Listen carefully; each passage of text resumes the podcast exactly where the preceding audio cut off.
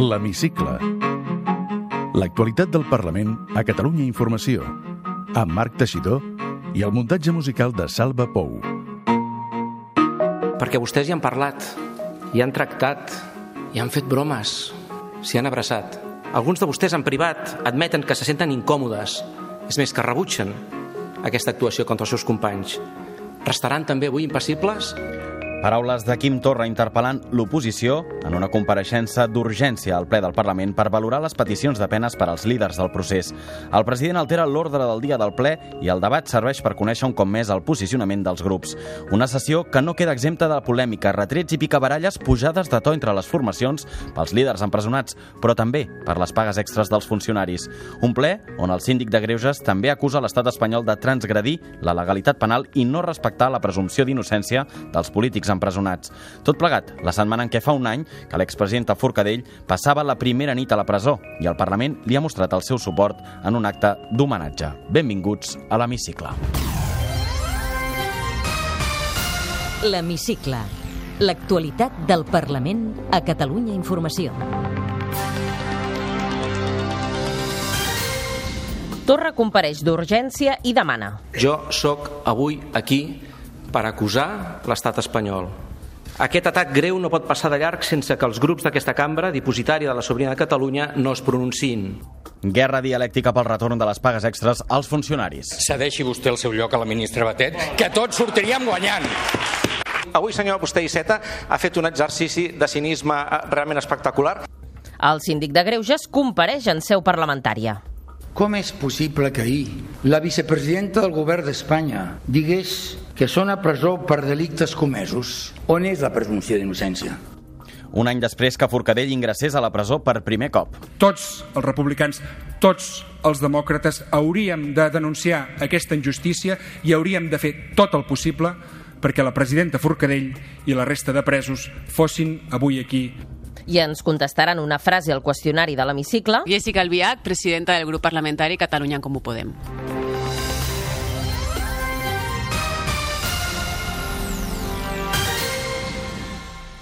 Les peticions de pena per als líders independentistes, presentades la setmana passada per la Fiscalia i l'Advocacia de l'Estat, centren una compareixença d'urgència del president Quim Torra. Cobra la sessió plenària. Torra interpel·la els grups de l'oposició i els demana que es posicionin i ho fan, però en la línia del que ja han expressat anteriorment. Torra demana la dimissió del president del Tribunal Suprem i anuncia una ofensiva a l'exterior contra les vulneracions de l'Estat. Ho repassem amb l'Àngels López.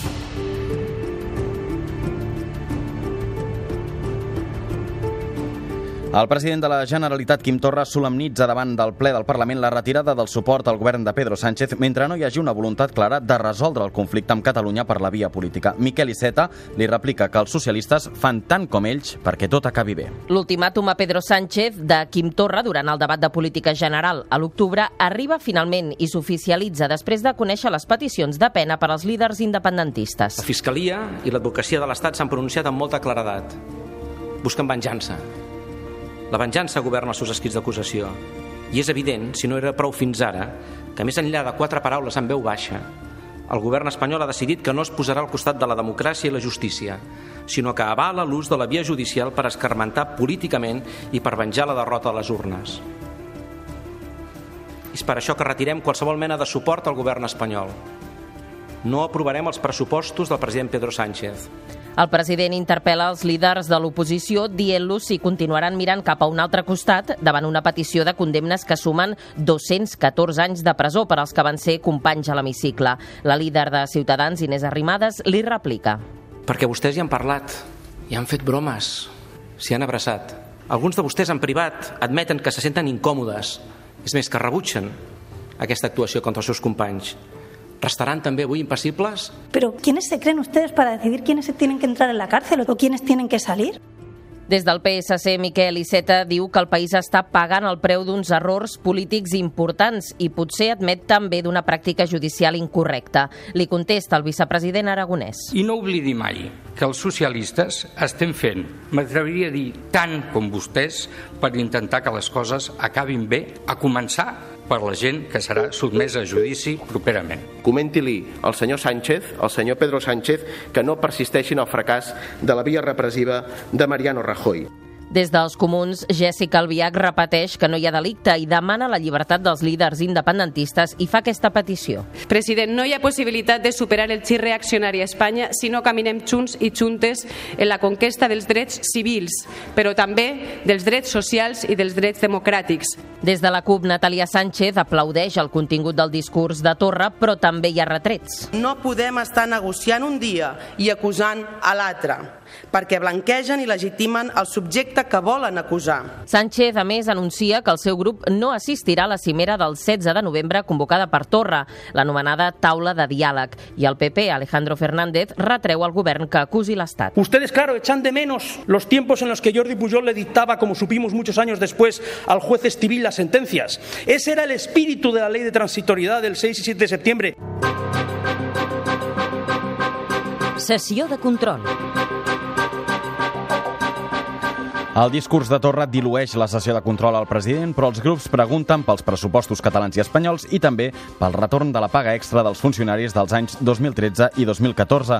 I en aquest punt, enganxada entre el president i el primer secretari del PSC, Miquel Iceta. El president del grup socialista qüestiona la figura del president català que li respon que per parlar de les pagues extres dels funcionaris ha de preguntar-li a la ministra Batet. Per desgràcia, l'Estatut no permet que posem de president algú que no sigui membre del Parlament, perquè si no immediatament li diria cedeix deixi vostè el seu lloc a la ministra Batet, que tots sortiríem guanyant. Avui, senyor, vostè Iceta ha fet un exercici de cinisme eh, realment espectacular. Jo penso que ja... Sí, sí, sí, sí.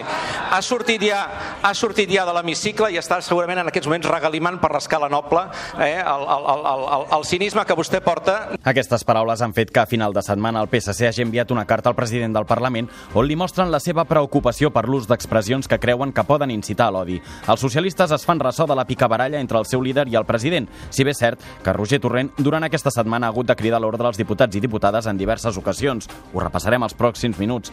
La carta dels socialistes, però, alerta que expressions com les que utilitza Torra, però també el seu portaveu, el de Junts per Catalunya, infringeixen l'article 7 del Codi de Conducta dels membres del Parlament i demanen que no es normalitzin i que mereixen ser considerades com contràries al tracte que s'ha de dispensar als diputats. Tornem a la sessió de control. La CUP interpel·la Torra per saber si el govern vol arribar a acords a canvi de renúncies en clau d'autodeterminació i qüestiona que es parli de diàleg amb qui vol castigar dos milions de persones per defensar el seu dret a votar. Existeix pel seu govern la possibilitat que l'acte d'autodeterminació democràtica de més de dos milions de persones en el referèndum de l'1 d'octubre derivi i degeneri en un nou pacte d'estat en clau de reforma autonòmica? Nosaltres, evidentment, sí, senyora Arrimadas, posem sobre la taula la llibertat dels presos polítics, el retorn dels exiliats i el dret a l'autodeterminació. Vostès és possible que en vulguin posar uns altres. Doncs perfecte, parlarem de qualsevol tema. La portaveu del grup Catalunya en Comú Podem, Susana Segovia, pregunta a Torra en què beneficia Catalunya que es prorroguin els pressupostos de l'Estat del Partit Popular i Ciutadans en comptes d'aprovar uns comptes amb grans avenços socials. El president li replica que per tenir un estat del benestar primer s'ha de tenir un estat i defensa que no hi ha divisió entre la via nacional nacional i la social. La sessió d'aquesta setmana ha tingut un altre protagonista, el síndic de Greuges, que repassa les claus de l'informe La vulneració dels drets fonamentals i llibertats públiques en ocasió de la relació penal de l'1 d'octubre i l'aplicació de l'article 155. Rafael Ribó acusa l'estat espanyol de transgredir la legalitat penal i no respectar la presumpció d'innocència dels polítics empresonats. En l'informe, Ribó conclou que, tot i que es van produir infraccions clares en l'ordenament jurídic a Catalunya, aquestes no van tenir eficàcia jurídica. En canvi, la reacció de l'estat espanyol espanyol va ser desproporcionada tant pel que fa a l'aplicació del 155 com per l'ús del Codi Penal. Ribó insisteix que hi ha presos polítics i que no té sentit parlar de delictes com la rebel·lió o la sedició. Finalment, fa una crida a diàleg a uns i altres. President de la Generalitat, em sento la responsabilitat d'apel·lar-lo a governar amb el màxim diàleg. M'adreço a tots els grups parlamentaris. Aquest no és un tema electoralista. Aquest no és un tema d'estómac no el duguin a l'estómac, duguin-lo aquí, al cap, a la serenitat. És un tema molt greu, en el torn de rèpliques, els partits constitucionalistes critiquen que Ribó passi de puntetes pel que va passar al Parlament el 6 i el 7 de setembre de l'any passat en els anomenats plens de la desconnexió.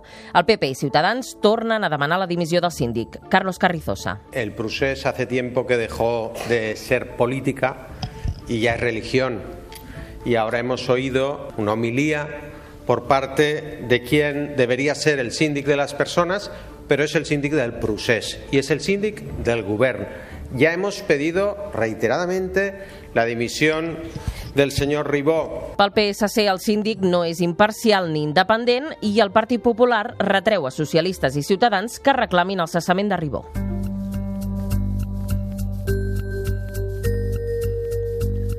En una de les interpel·lacions al govern, Ciutadans pregunta pel tracte que reben els presos independentistes. La diputada Lorena Roldán afirma amb ironia que el govern pot crear el que anomena el comissionat de lladoners. Per la formació taronja, l'executiu afavoreix el tracte dels líders independentistes a les presons i la consellera de Justícia insisteix que són presos polítics. La diputada taronja critica que els líders independentistes rebin fins a 21 visites a la presó i per això Roldán assegura que la conselleria vulnera el reglament dels serveis penitenciaris. La consellera Esther Capella Capella, al seu torn, assegura que el que preocupa a Ciutadans no és el tracte dels presos i li fa aquesta reflexió. Lo que les falta es montar allí otro chiringuito, otro chiringuito de esos que le gusta al señor Torra, no sé, al, al comisionat de Lladoners, podria ser, por ejemplo, ¿no? Jo, com a autoritat a Madrid, he visitat Estremera, he visitat Soto del Real i he visitat el Calameco com a autoritat sense vidre. Capella acusa Ciutadans de tenir un problema amb la privació de llibertat i li recorda que els líders independentistes estan en presó preventiva i que l'únic dret que tenen privat és el de la llibertat. Roldán, al seu torn, li retreu que només hi hagi tracte de favor, diu, amb els líders polítics i no amb la resta de reclusos. ¿Qué circunstancias son esas que, según usted, les hace diferentes al resto de presos preventivos? ¿Que son políticos? ¿Esas son las circunstancias? ¿Que son amigos suyos? ¿Qué, qué, qué circunstancias son esas? O sea, ¿ustedes qué se creen? ¿Que con el acta de diputada eh, o de diputado viene, viene una pulserita de esas del todo incluido? Justament que hi hagi tantes autoritats públiques i polítiques que visiten les preses i els presos demostra que tenim presos i preses polítiques. Finalment, Capella intenta acabar la polèmica preguntant a la diputada de Ciutadans si creu que ser a la presó és un privilegi i Roldán adverteix que no es cansarà de preguntar-li pel tracte dels empresonats.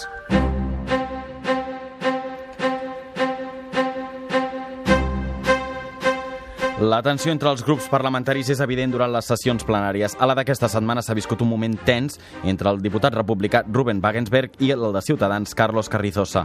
Ha valgut també una intervenció del president del Parlament per reclamar una reflexió als diputats després de diversos comentaris, expressions i intervencions que no degradin la institució. El detonant de la picabaralla és la intervenció del diputat republicà Ruben Wagensberg, que dirigint-se a Ciutadans demana que deixin de referir-se als independentistes com a supremacistes, perquè si no, ells diu, també es poden referir a Ciutadans com a feixistes. El president Roger Torrent demana que ho retiri i Wagensberg ho fa, però camí del seu escó, el portaveu de Ciutadans, Carlos Carrizosa, li diu que anés passant, que després ja es veurien fora de l'hemicicle. Això provoca un intercanvi de retrets. Aquesta n'és la seqüència. Si demanem que parin d'utilitzar, i ahir ho van tornar a fer repetides vegades, termes com supremacistes. Perquè la nostra rèplica podria ser perfectament parlar del grup feixista de Ciutadans. Cada cop que parli de vosaltres podíem parlar del feixista del Carrizosa o de la feixista de la Rimas. De... Demano, diputat, que retracti de les seves paraules. Retiro les paraules. Senyor Wagensberg, per què em demana la paraula? Bé, jo retirant les meves paraules, sí que quan he passat per aquí el senyor Carrizosa m'ha dit vete per arriba, nos vemos afuera. Sí, señor Carrizosa, ¿por qué me demana la palabra? Sí, para negar categóricamente que yo ya le haya dicho a este señor que nos vemos en la calle y, entre otras cosas, jamás me atrevería a bajar a las calles que son suyas para discutir nada con el señor Bassenberg. He cridat a l'ordre dos diputats, espero no haver-ho de tornar a fer avui i espero no haver d'acabar expulsant ningú. En una picabaralla posterior entre Ciutadans i Junts per Catalunya, Torrent acaba demanant als diputats que deixin de faltar-se al respecte i fa una crida a no degradar la institució. Aquest divendres 9 de novembre ha fet un any que la presidenta del Parlament va passar la primera nit a la presó. Per aquest motiu, els treballadors i treballadores han organitzat un acte d'homenatge al qual ha participat el president del Parlament, Roger Torrent, a banda de membres de la mesa, del govern i dels grups parlamentaris. Conselleres com El Sartadi, Laura Borràs, Teresa Jordà i el conseller Ernest Maragall, també diputats de Junts per Catalunya, Esquerra i dels Comuns, s'apleguen a l'auditori per recordar l'expresidenta i reclamar-ne la llibertat. Torrent assegura que l'empresonament de la seva predecessora és una injustícia i emplaça tots els demòcrates a treballar pel seu alliberament. Li devem amb ella no tancar els ulls, denunciar aquesta injustícia. Tots els republicans, tots els demòcrates hauríem de denunciar aquesta injustícia i hauríem de fer tot el possible perquè la presidenta Forcadell i la resta de presos fossin avui aquí entre nosaltres. Segons Torrent, els membres de l'antic govern l'únic que van fer és respectar els drets fonamentals, deia, i afegia que no han comès cap delicte i, per tant, estan sent víctimes d'una injustícia inacceptable. L'acte acabava amb crits de llibertat. En una frase, amb Carme Clèries. I aquesta setmana a l'entrevista de l'hemicicle, Jessica Albiach, presidenta del grup de Catalunya en Comú Podem. Carme, què t'ha explicat? Doncs ens ha parlat de la crisi que s'ha obert al seu partit, dels pressupostos i la possibilitat o no que puguin acabar-hi donant suport i també ens ha parlat, per exemple, del seu paisatge favorit, que és la Malvarrosa, i de que no creu en l'amor a primera vista però no s'hi pot resistir, per exemple. Doncs escoltem-ho. Té la paraula. Soc Jessica Albiach, presidenta del grup parlamentari Catalunya en Comú Podem. Senyora Albiach, què hauria de ser Catalunya segons vostè? Doncs Catalunya hauria de ser una nació cohesionada socialment, amb igualtat d'oportunitats, una nació que té dret a decidir, una nació lliure de corrupció i també una nació de gent, a mi em va agradar molt l'expressió que va utilitzar la Letícia Dolera al pregó de la Mercè, de gent que es mira més als ulls i menys a les banderes. Creu que la judicialització del conflicte polític català s'ha portat massa lluny? Absolutament. Jo crec que no hauria d'haver començat mai eh, aquesta via. No? Jo crec que els polítics i les polítiques hem de fer política i no pot ser que un govern s'amague sota la toga dels jutges. Digui'm que n'opina de les penes que demana la Fiscalia General de l'Estat i l'advocacia pels eh, líders eh, independentistes que estan en presó. Una barbaritat i una anomalia democràtica. Jo crec que avui de tots i de totes van veure que no va haver rebel·lió, ni va haver sedició, ni va haver malversació. No haurien d'haver entrat mai a presó. Creu que són presos polítics? I tant. Ha visitat algun dels presos o s'hi ha cartejat? Sí, sí, sí, he visitat. La, mate la mateixa setmana passada vaig estar visitant la Carme Forcadell i al, al desembre tinc prevista també una reunió amb, amb la Dolors Bassa.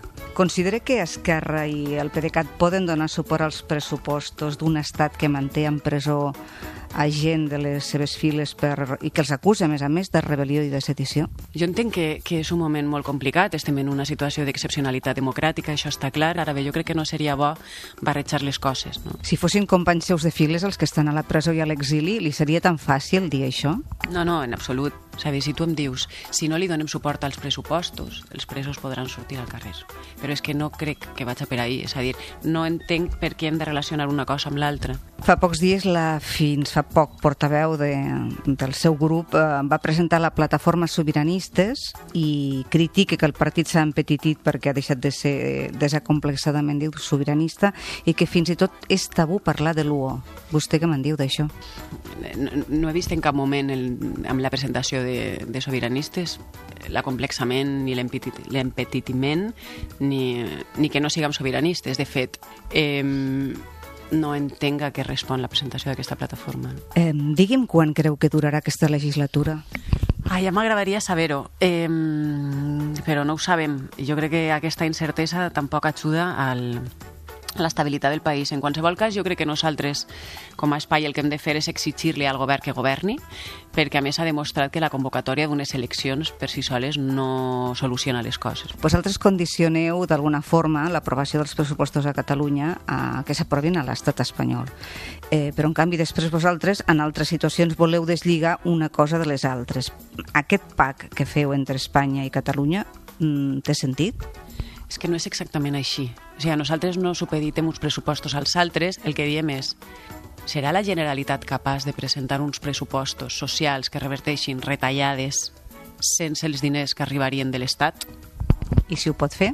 Bueno, si, si ho pot fer, mm, perfecte. El que passa és que ja es va reunir el, el vicepresident, el, el Pere Aragonès, amb el nostre portaveu d'Economia, i va dir que la situació financera de Catalunya era molt delicada i que, per tant, tenien molt poc marge per, per fer uns pressupostos realment socials. Si fos així, vostès rectificarien i li donarien suport en aquests comptes? O sigui, nosaltres el que diem és no donarem un xec en blanc per als pressupostos, però si ens presenten uns pressupostos que contemplen una reforma fiscal, un pla de lluita contra el frau fiscal, uns pressupostos socials que reverteixin retallades, uns pressupostos també amb una fiscalitat eh, justa, redistributiva i verda i, mm, i uns pressupostos que tinguin perspectiva de gènere i que no abandonen els ajuntaments, és a dir, uns pressupostos mm, com cal per nosaltres, eh, nosaltres li donarem suport, òbviament. El que passa és que, pel que ens han dit, els números no surten sense que s'aproven els pressupostos de l'Estat. Sergi Sabria diu que presentaran uns pressupostos que tant vostès com els de la CUP els serà molt difícil dir que no perquè estaran molt ben plantejats. Bueno, jo des de que vaig seguir en el Parlament com a diputada, però també des de fora, cada vegada que es presenten uns pressupostos són els pressupostos més socials de la història. per tant, esperarem a veure què ens presenten. En qualsevol cas, també m'agradaria que no ens presentaren ja uns comptes tancats. És a dir, si en algun moment volen comptar amb el nostre suport, el que haurien de fer és començar a parlar ja amb nosaltres per veure quines són les nostres prioritats, perquè de moment les seves no les coneixem. Quina llei li agradaria aprovar abans que acabi la legislatura? Una, digue'm en una. Mm. Pues mira, seguint en la línia, a mi m'agradaria poder votar uns pressupostos. Vostè té mútua o va a la salut pública? Salut pública de, de tota la vida. Casa de lloguer o de propietat? Pues vist de lloguer i en un pis compartit. Cert o fals que en l'amor i en la política tot s'hi val? jo diria que n'hi ha moments en què les regles han de deixar una mica de banda, però jo ho aplicaria més a l'amor que no a la política. Amb quin diputat o diputada que no sigui del seu grup compartiria taula i conversa relaxada? Doncs fa poquet que, que ha entrat la Marta Vilalta d'Esquerra Republicana al Parlament i la veritat que, que genera bastant interès. M'agradaria conèixer-la més. Digui'm un pecat confessable. Estic molt viciada al, al pa amb oli i xocolata. Quin és el seu paisatge favorit? La Malva Rosa. I els seus hobbies? Doncs m'agrada molt ballar quan tenia més temps i també m'ajuda molt el ioga. Una música que la identifiqui? Però últimament escoltem molt la Rosalia. Vostè llegeix poesia, novel·la, eh, té algun llibre de capçalera? A mi m'agrada recordar el, el Caliban i la bruixa de la Sílvia Federici. Va ser el primer llibre que vaig llegir de feminismes i em va marcar bastant. Què la fa somriure inevitablement? Jo em desperto pel matí, obro la finestra i veig el sol i ja somric. Què és el que li fa por? Tirar la vista enrere i, i pensar que no he viscut bé o que no he sabut viure bé. Creu en l'amor a primera vista? doncs no hi crec, però no puc evitar-ho.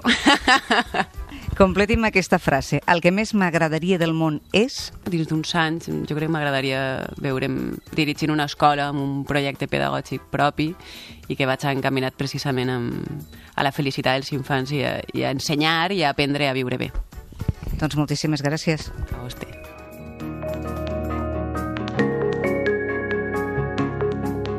Podeu tornar a escoltar l'Hemicicle al web catradio.cat barra hemicicle o al podcast del programa i seguir l'actualitat del Parlament al perfil de Twitter arroba L-hemicicle.